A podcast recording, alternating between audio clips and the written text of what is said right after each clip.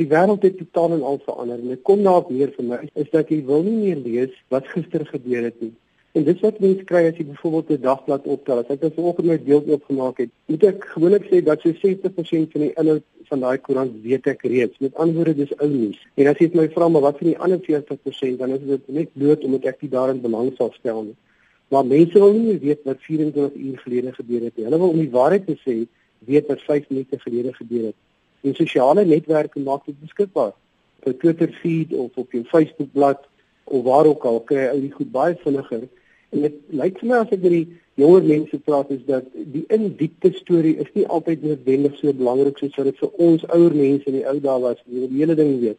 Hierdie ouens wil weet hoe kan saam praat en soos wat dit uitspoel oor die sosiale media kom hulle by en hulle weet reeds daarvan.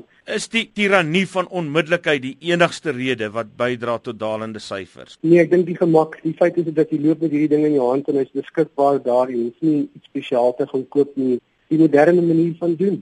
Afgesien van die mense drang na onmiddellikheid en die aanlyn kultuur, hoe belangrike rol speel 'n redakteur en sy opinies? In die verkoopsyfers van 'n koerant? Ek dink 'n baie belangrike rol. Isak as jy kyk na wat onlangs gebeur het met beeld en besonder dan nou waar daar uh, vanaf 'n sekere deel van die Afrikaner gemeenskap beweringe gemaak is dat die redakteur van beeld die koerant gebruik om 'n persoonlike vendetta teen 'n universiteit byvoorbeeld te loods en dat daardie mense wat die koerant dan nou lees raak opgewerk daaroor en dan is dit so dalk dat hulle besluit om nie vir die koerant te lees nie. Natuurlik is dit belangrik goeie redakteur moet ek sê het 'n geweldige groot invloed op die keuse van die inhoud van die koerant, die aanbod van hoe dit in die koerant saamgestel word en natuurlik die reaksies wat daaruit voortvloei. En dan is dit altyd 'n geval van iemand doodseker. Nie net doodseker, maar 200 000% doodseker dat wat in hy koerant insit. Is daar 'n oplossing vir koerante? As ek nog in die koerantbedryf was, sou ek die volgende voorgestel het aan die nuwe uitvoerende hoof van Media 24 koerante. Ek sou gesê het, luister jy maar Ek dink ons moet ophou om koerante te verkoop. Dit gaan oor leserskap. As jy baie lesers het, kry jy adverteerders.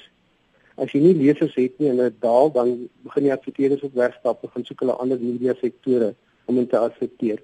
Bou die leserskap dramaties uit sodat jy kan teruggaan na die adverteerder toe en sê dit is die leserskap lyk want dit word steeds gemeet. Deur SARS, die South African Advertising Research Foundation, gaan ons steeds daai leserskap meet Hulle gaan sien dat dit groei. So ek dink dis een oplossing. Daar's 'n paar ander maar ek gaan dit nie op die lig vir jou weggee nie.